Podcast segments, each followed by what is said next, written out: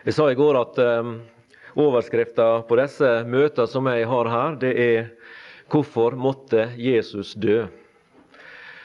Og vi vil prøve gjennom disse samværene å svare litt på det.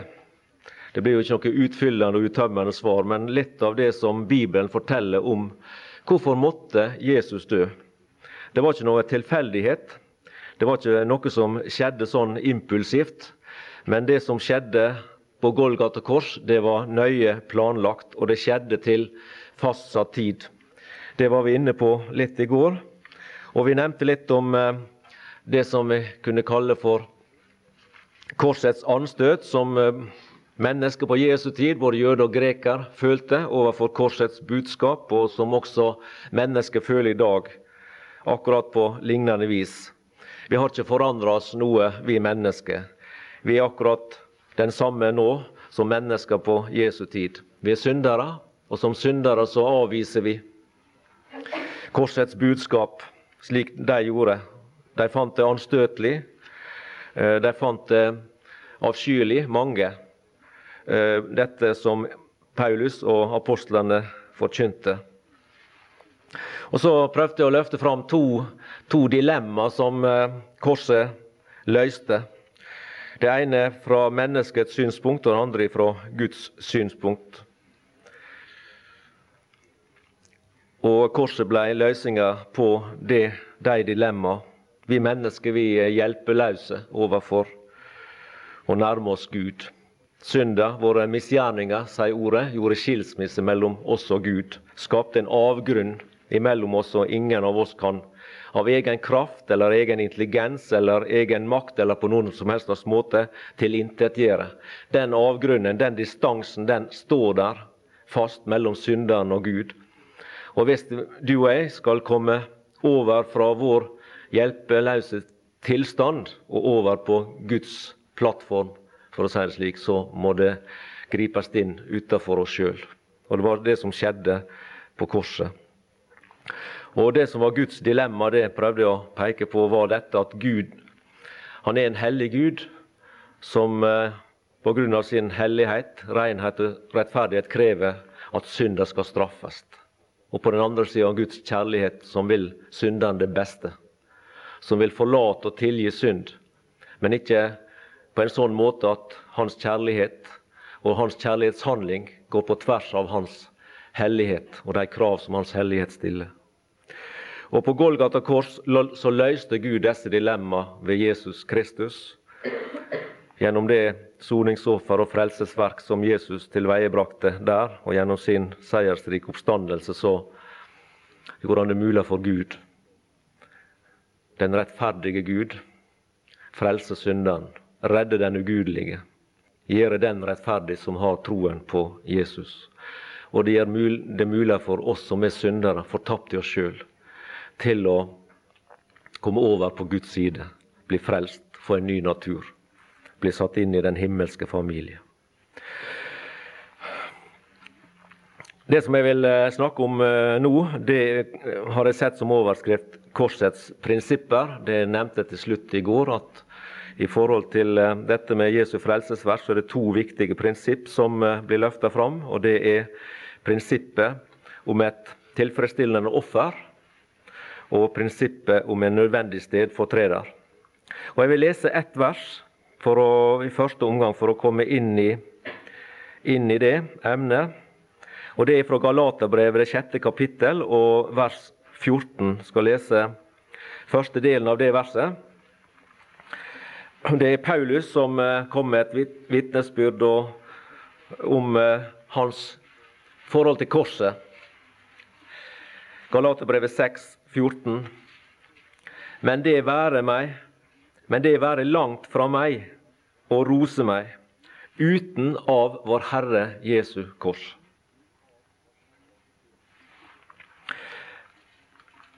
Hvorfor hadde Paulus et slikt forhold til Jesu Kristi kors? at han så så stort på det og så viktig for seg at han uttrykker på denne måten Men det være langt fra meg å rose meg uten av vår Herre Jesu Kristi kors. Ja, Det var fordi at han opplevde gjennom korset og det som skjedde på korset, at hans dilemma ble løst. At han som er fortapt synder ble frelst. Han som sier om seg sjøl, vet vi, at han var en forfølger av Guds menighet. En som eh, hater de troende. En som arbeider eh, mot de kristne, men likevel innenfor si gudstru, jødedommen. Så møtte han Herre Jesus der utenfor Damaskus, som du kjenner til. Og så opplevde han der det under i sitt liv at han, som var en motstander, en forfølger av Guds menighet, at han opplevde Kristus som den som frelste han, berga han, førte han over fra døden til livet, fra Satans makt og til Gud. Paulus hadde opplevd for seg sannheten i det, at Kristus, Jesus, på Golgata kors tilintetgjorde det store problem som han som en synder sto i, nemlig at han var fortapt. Utenfor gudssamfunnet. Jesus førte han over fra døden til livet. Og så sier han at han vil ikke det være langt fra han å rose seg uten av vår den Herre Jesu Kristi kors. Slik opplevde Paulus det, og slik har vel du og jeg også opplevd det for vår del da vi blei frelst og fikk trua som et Guds barn, enten vi var unge eller vi var eldre, så fikk vi se det at Jesu frelsesverk også gjaldt for oss. At det han gjorde på Golgata kors, det tok også vår avstand mellom oss og Gud vekk. Selv om vi ikke hadde vært ute i syndelivet, selv om vi ikke så oss som noen store syndere, selv om vi kanskje ikke var kommet så langt på livsløpet vårt at vi eh, hadde kommet oss ut i verden en gang, men at vi vi er erkjente det ut fra Guds ord at det, selv om ikke vi har erfaring med det, så ser vi og erkjenner vår tilstand som synder likevel. Og så opplever vi i trua at det, han førte også, også, oss over fra døden til livet, fra Satans makt til Gud, gjennom det han gjorde på Golgata. Men hvordan, hvordan var det med Gud, Guds side av dette? Det også kan være interessant for oss å stanse litt ved hvordan Gud gjorde det. Hva var det han så i korset? Her las vi fra Galaterbrevet 6 hva Paulus så. Hvordan han opplevde korset for seg. For en voldsom betydning det hadde for han. Ja, Vi kan jo lese resten av verset også, så får vi grunngivinga hans. For det, ved det, altså ved korset, er verden blitt korsfestet for meg, og jeg for verden. Han opplevde korsets budskap, korsets evangelium, som voldsomt viktig for han, og det forandra hele hans liv. Hele hans retning på hans liv. Hele hans forhold til, til mennesket, til Gud, til seg sjøl. Det ble en, en ny start for Paulus. Og slik blir det med alle som opplever frelse av Jesus Kristus. Det gamle er forbi, alt er blitt nytt. Men hvordan opplevde Gud det? Hvordan gjorde Gud det? Hva så han i korset? Hva hendte da hans sønn Jesus Kristus, den elskede som vi var inne på i går? da han mishandla og blødende hang der på Golgata kors og ropte 'Det er fullbrakt'. Hva var det som, som skjedde? Og det som skjedde, og det som eh, har med Gud å gjøre i denne sammenhengen, det kommer fint, syns jeg, fram i dette med offeret og stedfortrederen. Og Vi skal ta for oss først eh, Jesus som eh, det nødvendige offer. Jesus som det fullt ut tilfredsstillende offer for Gud. I Hebreabrevet det 9. kapittel og vers 22 eh, kjenner du sikkert til at der står dette at uten blod blir utgitt, skjer ikke forlatelse. Det er et prinsipp som Gud har lagt ned helt fra den første gangen han uttrykte sin frelsesplan for mennesket, slik som vi las i går fra første Mosebok da han eh, tok skinn og dyreskinn og kledde mennesket i. Da det var første gangen Gud viste dette prinsippet i Guds frelseshandling, at uten blod blir utgitt, skjer ikke forlatelse. Og Det samme prinsipp holdt Gud fast ved gjennom hele gamle testamentets tid, som vi kjenner til. Og det fikk sitt fullkomne åpenbarelse i Jesu frelsergjerning på Golgata. Uten at blod blir utgitt, skjer ikke forlatelse. Og Gjennom eh, Golgata kors og sin død der på Golgata så presenterte Jesus et offer for Gud, som var et tilfredsstillende offer for Gud. Et tilfredsstillende betalingsmiddel for all verdens synd. For de synd, min synd, for alle menneskets synd.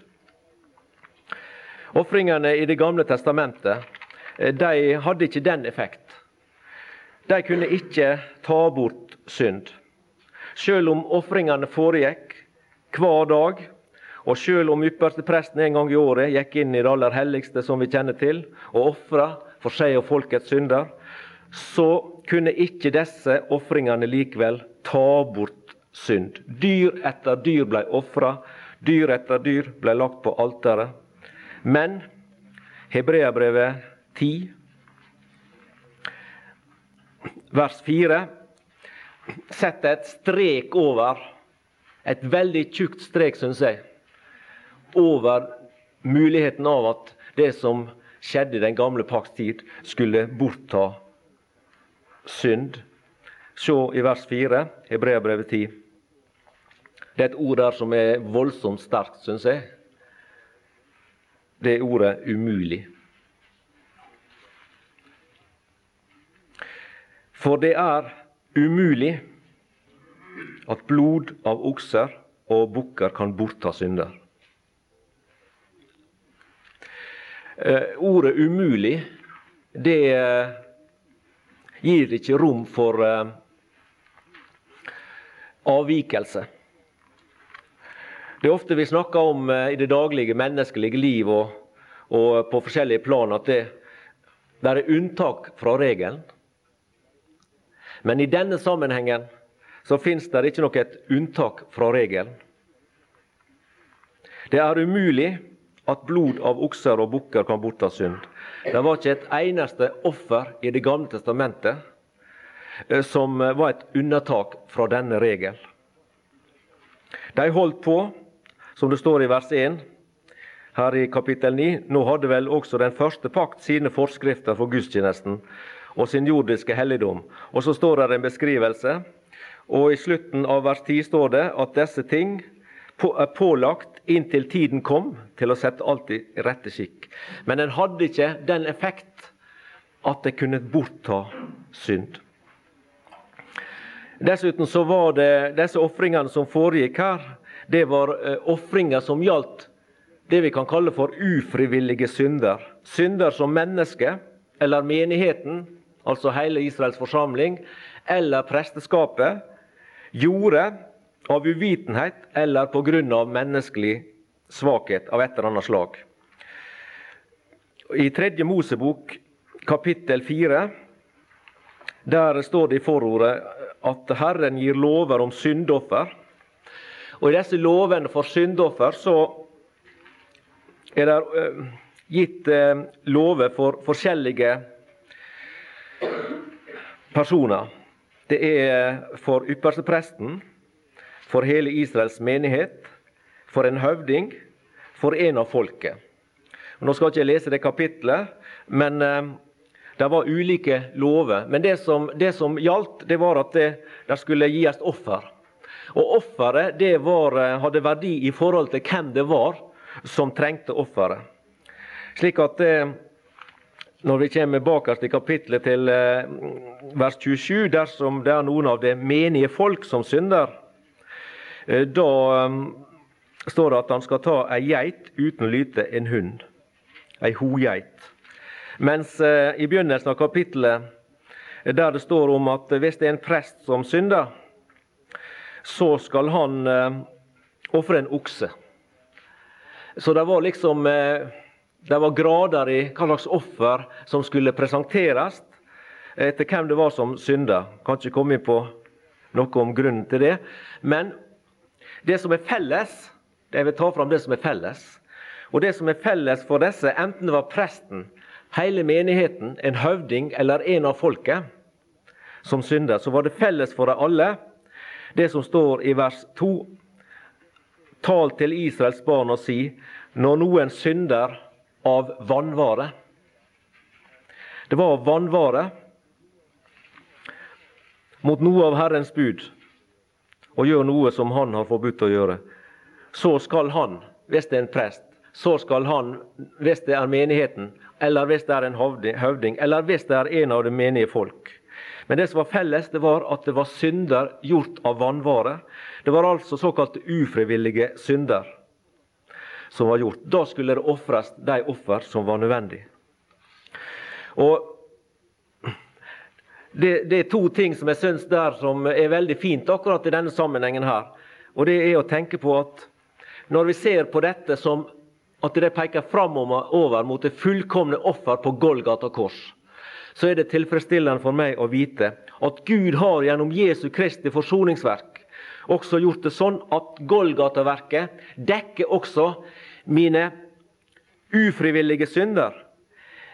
Mine synder begått i vanvare. For det er ikke lett for oss å finne ut av det.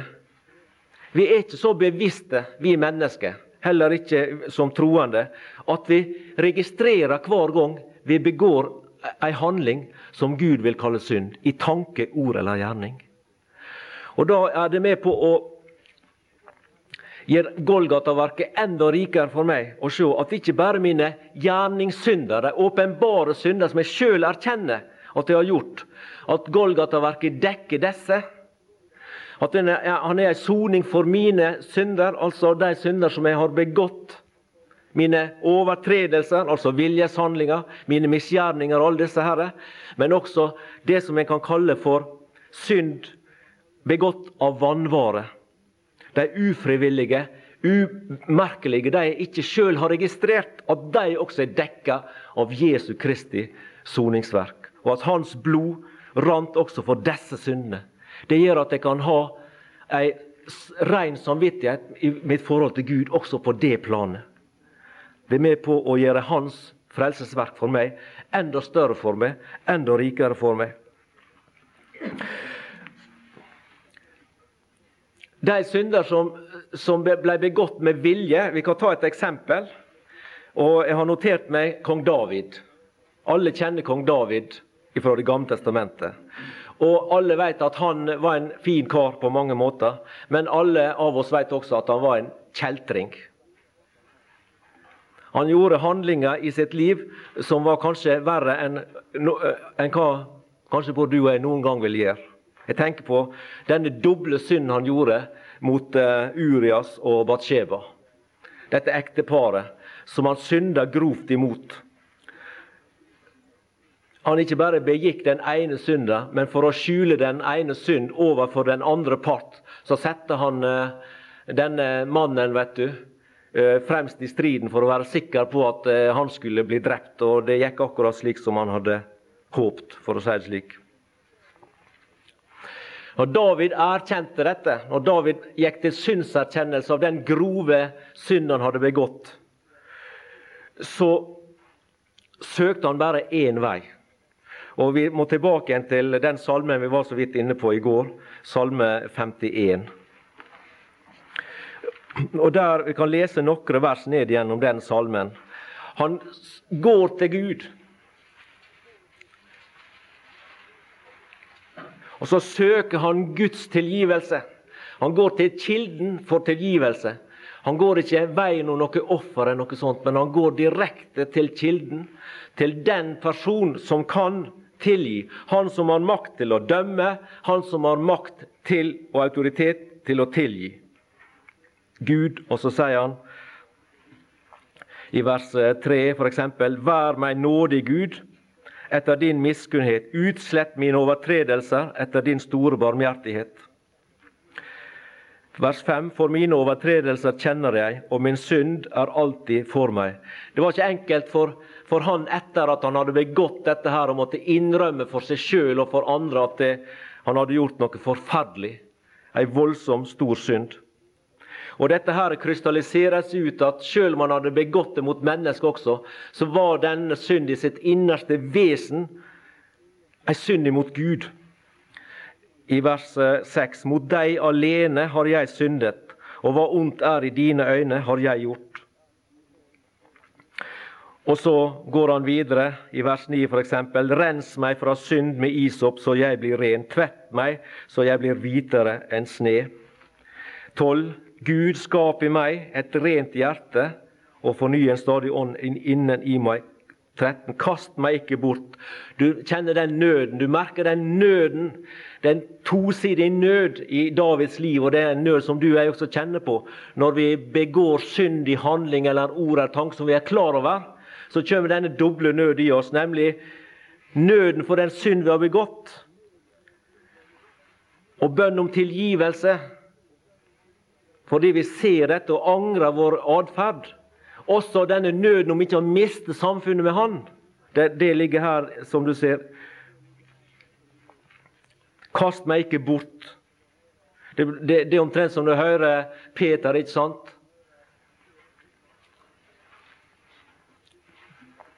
Han, han, kunne liksom ikke tenke seg å forlate Herren. En gang så husker du han sa 'Gå fra meg', sa han. 'Jeg er en syndig mann'. Men han, sjøl det var liksom Jesus som måtte ta initiativet, kunne det virke som. Peter hadde behov for å holde fast ved Herren, men så erkjente han seg som en synder. Og så så han at det er hans syndighet, også Jesu hellighet og disse tingene her. Og så følte han på det at det hørte på en måte ikke sammen. Men så kunne ikke han liksom uh, gå heller. Han kunne ikke være den som tok initiativet, og så ber han Jesus ta initiativet. Og slik er det med David her, føler jeg på at han kast meg ikke bort. Han kjente nøden for det han hadde gjort, men også den nød at han var avhengig av Herren. Han var knytta til Herren med sterke bånd. Han kunne aldri tenke seg å forlate Herren. Og så er det han ja, i vers 16.: Fri meg fra blodskyld, Gud, min frelses Gud. Og så kommer når han da eh, får oppleve og kjenne og erkjenne Guds tilgivelse i sitt liv, så skal min tunge juble over din rettferdighet. Herre, opplat mine lepper, så skal min munn kunngjøre din pris. Vers 14. Gi meg igjen din frelses fryd, og opphold meg med en villig ånd.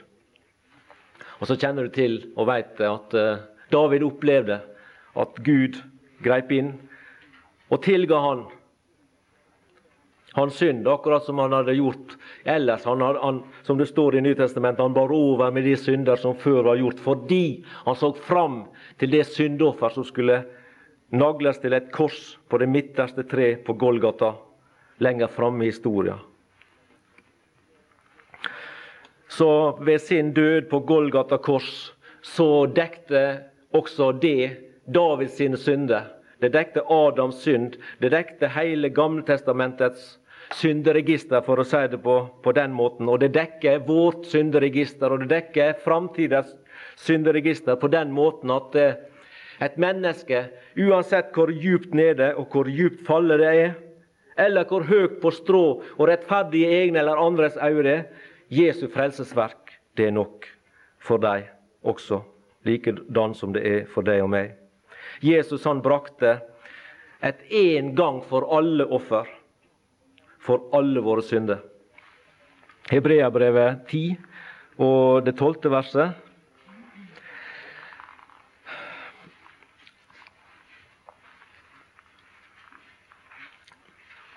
Men han, Jesus Kristus, har frembåret ett offer for synder.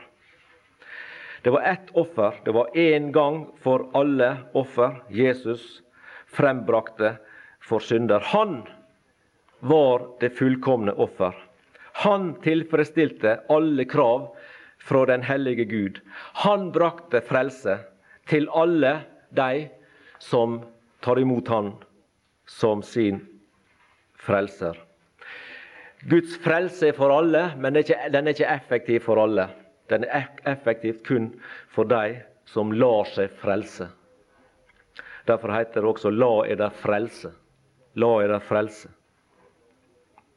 Og Derfor blir evangeliet forkynt. Du, dere, vi, ei, du, vi skal være Dere skal være mine vitner, sier Jesus. Jerusalem, Judea, Samaria og like til jordens ende. Hva skal vi vitne om? Ja, Det skal vi komme til litt seinere. Men du veit det. Det er ordet om korset. Som vel er en dårskap for de som går fortapt, men det er kraft til frelse for den som tror. Og de som reagerer på Jesu frelse. De som på en måte lar seg frelse. Det er jo ordet som frelser. Ordet om korset. Men det skjer et eller annet i mennesket, slik at et under som har sitt uh, utspring i Gud, som uh, vekker en synder fra de døde, og at det blir liv av døde. Jesu offer var tilstrekkelig av flere grunner. Jeg har notert meg i hvert fall et par her. For det første så ble han eh, medlem av den menneskelige familie. Ordet ble kjøtt og tok bolig iblant oss. Og Filippenserbrevet 2, det kjente verset der, fra vers 6.: Han som da han var i Guds skikkelse, ikke aktet det for et rov å være Gud lik, men av seg selv gav Maria. Han ble et menneskebarn som vokste opp, og han ble gutt, han ble ungdom, og han ble voksen. Vi kjenner til dette. Han ble et menneske, en del av den menneskelige familie. Og fordi han ble en del av den menneskelige familie, så kan han være menneskets representant. For det andre så levde Jesus et syndefritt liv. Jesus han hadde ikke synd i seg. Han var rein i tanke, i ord og i handling. Hebreabrevet 4,15 kan vi lese der. Han er jo det eneste mennesket som det kan sies om, som har levd. Og det er temmelig mange milliarder mennesker som har levd fra Adam av og til i dag. Vi er jo, Hvor mange milliarder er vi nå? Er ikke det rundt 5 milliard som lever i dag?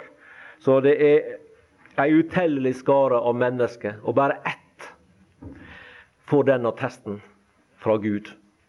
Rein i tanke, ord og gjerning. Og det er Herren Jesus. For vi har ikke en ypperste prest som ikke kan ha medynk med våre skrøpeligheter, men en sådan som er prøvd, blitt prøvd i alt, i likhet med oss, dog uten synd dog uten synd.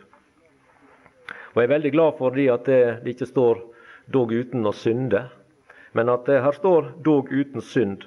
For det føler jeg dette uttrykket retter seg mot hans natur. Hans menneskenatur. Han hadde en natur som var rein i forhold til synd. Slik at det, han kunne si 'Hvem kan overbevise meg om synd?' Han hadde ikke noe forhold til det i sitt eget kjøtt, i sin egen barm, dette med synd. Det var han fullstendig ukjent i sin egen kropp og i sitt eget sinn. Han døde for synden, men han hadde ikke synd i seg. Og Derfor så ble det slik for Jesus at når han døde på Golgata, så døde han som det fullkomne mennesket. Det fullkomne mennesket. Det var ikke bare at han døde som menneske, men han døde som det fullkomne mennesket. Og eh, fordi han ikke hadde synd, kunne han dø for våre synder. Som menneske så kunne han representere oss, og fordi han sjøl var rein og fri for synd, kunne han bli et offer for andres synd.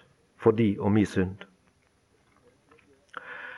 Og Det tredje jeg vil nevne, det er at eh, han, han, han forblei Gud. Han var Gud. Og ordet var hos Gud, og ordet var Gud i den evige verden. Ordet var Gud. Ordet ble kjøtt, men han var fremdeles Gud. Og ordet vendte tilbake igjen til Gud, fremdeles som Gud. Han var Gud, forblei Gud og er Gud. Han var i sitt jordliv sant menneske, og han er sant menneske i dag i det himmelske. Derfor så forblei han Gud og sant menneske. Han forblei sant menneske og sann Gud. Og dette at han er Gud, det gir Jesu Kristi offerhandling ei voldsom betydning og en uendelig stor verdi. Fordi han, han var Gud, og han var menneske. Og som Gud-menneske, Jesus Kristus, ofra han seg på Golgata kors for fortapte syndere. Og Derfor ble hans offer gyldig for Gud, tilfredsstillende for Gud. Gud var fullstendig tilfreds med den Herre Jesu Kristi soningsverk på det midterste tre. Det andre jeg vil nevne, det er at eh, korset det sørger for en nødvendig stedfortreder. Vi skal lese fra Markus evangeliet, det tiende kapittel, og vers 15. Jesus han snakka jo flere ganger med disiplene sine om sin forestående lidelse og død i Jerusalem. Og Det er vel ikke tvil i at han hadde sin stedfortredergjerning i tankene når han sier det som han sier der i Markus 10, vers 45. For menneskesønnen er heller ikke kommet for å la seg tjene, men for selv å tjene og gi sitt liv til en løsepenge for mange. Han så seg sjøl som en som skulle gi sitt liv som løsepenge for. Det var på andres vegne. For andre. Så det var ei gruppe mennesker som han skulle løse ut. Han ble stedfortrederen. Og Selv om ikke apostlene forsto så veldig mye av det, det kjenner vi til av utsegnene som de kom med, og samtaler med Jesus der Eh, Peter sa du må, det skal aldri vederfares deg, og, og de talte han fra og reiste til Jerusalem og det ene og det andre. Så kjenner vi, hadde ikke de syn for saken i, i mange tilfeller. Så fikk de likevel ganske raskt etterpå lære at det som Jesus fortalte dem der på forhånd, det, det, det, var, det var slik Jesus sa. Men det var bare at de fatta ikke og forsto ikke det akkurat når han når han sa det. Men de fikk lære der på, i Golgata-dramaet den gangen så fikk de lære at Gud han hadde planlagt å gi Jesus Kristus i deres stad som bytte for deres frigjøring fra synd og skuld. Jesus han ble offeret, han ble stedfortrederen som gikk inn og gjorde det de ikke kunne gjøre. Og Derfor så er det sant som det står i en sang, at eh, han ga sitt liv for meg den Herre Jesus. Han ga sitt liv for meg. Hans blod i strømmer fløt kun for å frelse meg fra synd og evig død. Og det gjelder for oss alle som er frelst. Hans blod der på Golgata i strømmer fløt. Og det var vår frelse han hadde i tankene. Vår frelse. At vi skulle bli frelst fra synd og evig død. Vi kunne ikke det av oss sjøl. Vi var fullstendig utelukka. Og alle menneskelige prestasjoner, som vi snakka om i går, religioner eller ofringer eller alt. Det var umulig å ta bort synd. Vi sto hjelpeløse. Og så er det at Gud griper inn gjennom sin elskede sønn og gir han i vår stad som en stedfortreder. Og så er denne stedfortredergjerninga har en sånn effekt på dette at uh, du og jeg blir frelst. På Golgata kors så døde Jesus i Peters stad. Han døde i Johannes og Jakobs stad. Han døde i alle. Han ble stedfortrederen for de som hadde vandra sammen med han disse åra. Men han ble også din og min stedfortreder. Han døde i vårt sted, men han døde vår død. Han tok den straff vi fortjente. Golgata-dramaet, det er Guds bilde dramatiske bilde av Johannes 3,16. For så har Gud elska verda at han ga sin sønn den enbårne. Det gjorde han på Golgata kors. Og det var Guds kjærlighetserklæring. Ingen, ikke noe menneske som får kjennskap til evangeliet, enten vi er unge eller vi er eldre. Ikke et eneste menneske som får kunnskap om evangeliet, kan fri seg fra det at Gud erklærer dem sin kjærlighet. For så har Gud elsket verden at han ga sin sønn den enbårne. Det er synderen dette er en kjærlighetserklæring til. I en annen sammenheng så snakker Jesus om familien, om barna, den himmelske familie og slekt, og så er han Faderen selv elsker dere. Men det er en annen side ved dette. Johannes 3, 16 er retta mot synderen, for så har Gud elska verden, at han ga sin sønn den enbårne, for at hver den som tror på han, ikke skal fortapes, men av evig liv. Golgata viste fram Guds kjærlighet. Gud viser sin kjærlighet mot oss ved det at Kristus døde for oss mens vi ennå var syndere. Vi var hjelpeløse, men pga. vår hjelpeløshet så sendte Gud Herren Jesus som vår stedfortreder. Han døde for at vi skulle leve. Og La vi lese noen bibelvers som minner oss på dette. Esaias 53, Men han er såret for våre overtredelser. Prøv å se han for deg der på Golgata kors, Herren Jesus. Det var for deg og meg han hang der, som vår stedfortreder. Han er såret for våre overtredelser, knust for våre misgjerninger. Straffen lå på ham for at vi skulle ha fred. Og så håper jeg at vi alle har opplevd det siste, at ved hans sår har vi fått legedom. Vi for alle vil som får, vi venter oss hver til sin vei. Men Herren lot våres alles misgjerninger ramme ham. Første Korintiabrev, det 15. kapittel og tredje vers. Første Korintiabrev 15,3. For jeg overgav dere blant de første ting det som jeg selv mottok, at Kristus døde for våre synder etter Skriftene. For våre synder. Han døde for våre synder. Vi kunne ikke komme med dette offer. Vi hadde ingen andre offer å bringe heller. Vi kunne ikke bringe oss sjøl som offer. Vi kunne ikke bringe bukker og okser og kalver som offer. Vi kunne ikke uh, ofre noe. Ikke av gjerninger, las vi i går. Ikke av eder selv. Ikke av gjerning. Vi, det var utelukka, vi var utestengt. Og så er det at Gud griper inn gjennom Herren Jesus som offer og stedfortreder, og gir han på en slik måte. Han dør for våre synder etter Skriftene. Og i 2. Korinterbrev 5, 21 Ham som ikke visste av synd, nei, han var rein for synd i tanke, ord og handling. Han var uten synd. Men han som ikke visste av synd, har Gud gjort til synd for oss, for deg, for meg, for at vi i ham skal bli rettferdige for Gud.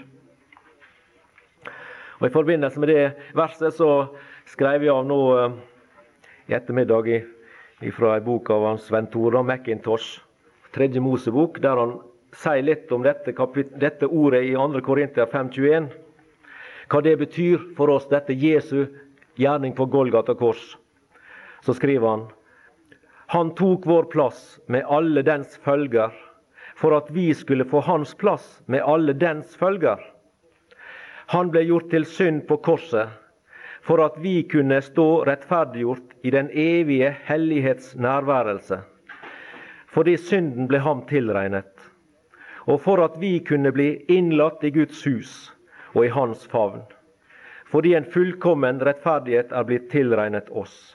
Han måtte tåle at Gud skjulte sitt åsyn for ham, for at vi kunne nyte hans ansiktslys. Han gikk gjennom tre timers mørke for at vi kunne vandre i lys evinnelig. Han ble forlatt av Gud for en tid, for at vi kunne nyte Hans nærværelse i all evighet. Alt det som tilkom oss som fortapte syndere, ble lagt på ham, for at alt det som tilkom ham som forløseren, kunne bli vårt. Han ble behandlet etter vår fortjeneste, for at vi kunne bli behandlet etter hans fortjeneste. Ham som ikke visste av synd, har Gud gjort til synd for oss, for at vi skulle bli rettferdige for Gud. Og eh, første Peters brev, andre kapittel og 24. vers. Første delen der. Han som bar våre synder på sitt legeme opp på treet.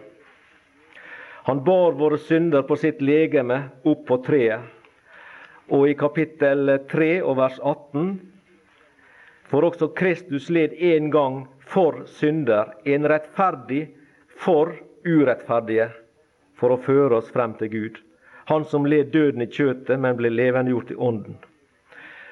Alle disse orda viser at Jesus han var stedfortrederen. Han ble knust for oss, i stedet for oss.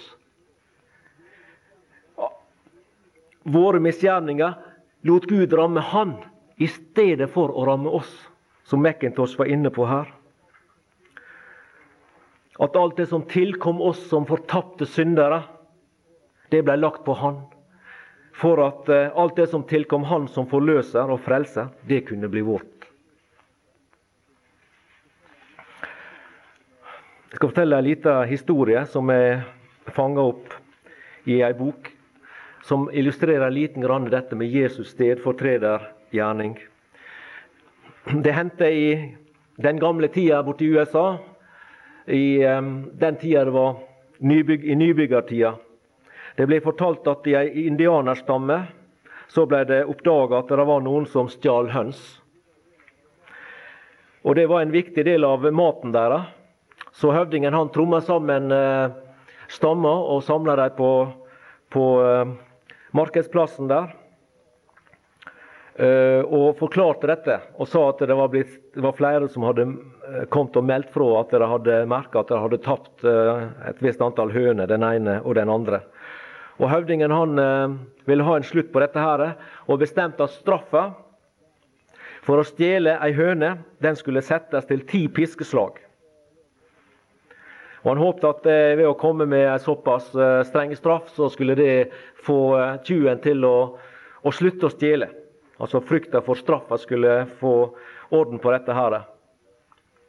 Men stjelinga den fortsatte. Og han kalte stamma sammen på nytt. Uttalte sin misnøye og irritasjon over dette. Og så heva han da straffa til 20 piskeslag. Men likevel så holdt eh, denne stjelinga fram, og eh, så sa han det at eh, hvis ikke dette holdt opp, stjelinga fortsatte, og vedkommende person ble tatt, så skulle straffa bli 100 piskeslag, og det var det samme som å gi vedkommende dødsstraff.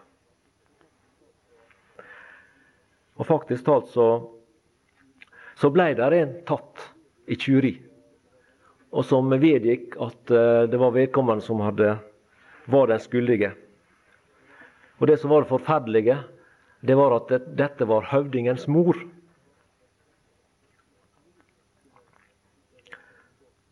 Skulle vel, Det er vel ofte, sånn at det, det er ofte de en minst venter av, som kan ha tilbøyeligheter som vi ikke kjenner. Men slik var det i hvert fall. Og Så kom dagen da straffa skulle fullbyrdes, og hele stamma samla seg der på plassen. Og De var spente på hva som skulle skje. Dette var jo høvdingens mor. Ville han eh, la nåde gå for rett? Ville han gjøre noe spesielt overfor henne? Han var jo høvding og den som eh, bestemte. Ville han eh, gå tilbake på sitt ord? Ville han eh, forandre straffa? Ville han glatte over og på en eller annen måte redde mor si? Og Da opplevde de dette, denne sterke opplevelsen og gjorde et uutslettelig inntrykk på alle sammen. Høvdingen han avsa dommen over mor si. Han lot mora binde til piskestedet, der midt i, i sentrum av denne plassen. Og så var det han sjøl som skulle Han fikk eh, overlatt piska av en annen i, i stamma. da. Og så var det han sjøl som skulle eksekvere denne dommen. Men da er det at det, når han skal slå det første slaget mot mors kropp og liksom og gi denne straffa på de hundre slag som skulle slås der, som den straffa han sjøl hadde sett for denne forbrytelsen, så er det at denne høvdingen gir pisken over til en annen person som sto ved siden av seg. Og så går han bort til mor si, og så legger han liksom armene rundt henne sånn beskyttende. Og så ga han ordre til denne mannen om og slå de hundre piskeslag på hans sin egen rygg. Han lot de hundre slag ramme seg. Det var et lite bilde på hva Jesus Kristus gjorde for deg og meg. Du og jeg var skyldig. Vi var synderen. Vi hadde tatt hønsa, for å bruke det uttrykket. Vi var egentlig nagla til marterpælen. Vi hang på en måte der på Golgata kors. Det var fortapelsen og den evige død vi hadde i vente. Men så er det at Jesus i sin kjærlighet til oss strekker sine armer ut og rundt oss der på Golgata kors. Og så lar Gud våre misgjerninger ramme han. Han tok imot hvert et slag for deg, hvert et slag for meg. Straffa den lå på han for at vi skulle ha fred, og ved hans sår har vi fått legedom. Vi var skyldige til evig straff. Vi var skyldige til evig pine. Han gikk inn i vår plass. Han bar det alt. Han tok det alt. Han var stedfortrederen. Derfor har Jesu død ei voldsom betydning. Den gjenoppretta bruddet mellom menneske og Gud. Vi var fortapte. Jeg var fortapt og så ingen vei. Da frelste blodet. Jesu Kristi blod, hans soningsverk på Golgata, gjorde det mulig for meg som en fortapt synder å komme inn i en helt annen og ny stilling innenfor Gud. Det gamle er forbi, alt er blitt nytt. Bruddet er gjenoppretta. Og fra Guds side, Gud som var bundet av sin hellighet til å straffe synd. Og så hadde vi Guds kjærlighet, som gjerne ville berge synderen. Og disse to de fant sin fullkomne enhet i Jesu Kristi kors og i hans død. Hans korsdød ble løsninga. Hans offer, hans stedfortredende død, gjorde de og mi frelse mulig. Han døde for alle, ja, også for meg.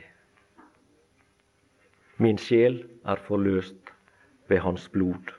Han døde for alle, ja, også for deg. Din sjel er forløst ved hans blod. Det vil jeg takke deg for, Herre Jesus. At jeg kan få lov å si det for min del i dag, at du døde for alle. Da døde du også for meg. Takk for at du hadde meg i tankene. Takk for at du tok mine synder på deg. Takk for at du gikk inn i min plass og blei mitt offer og min stedfortreder. Og så kan jeg få pris meg lykkelig og fri og glad i dag som et Guds barn, frelst av nåde for Jesus kult. Amen.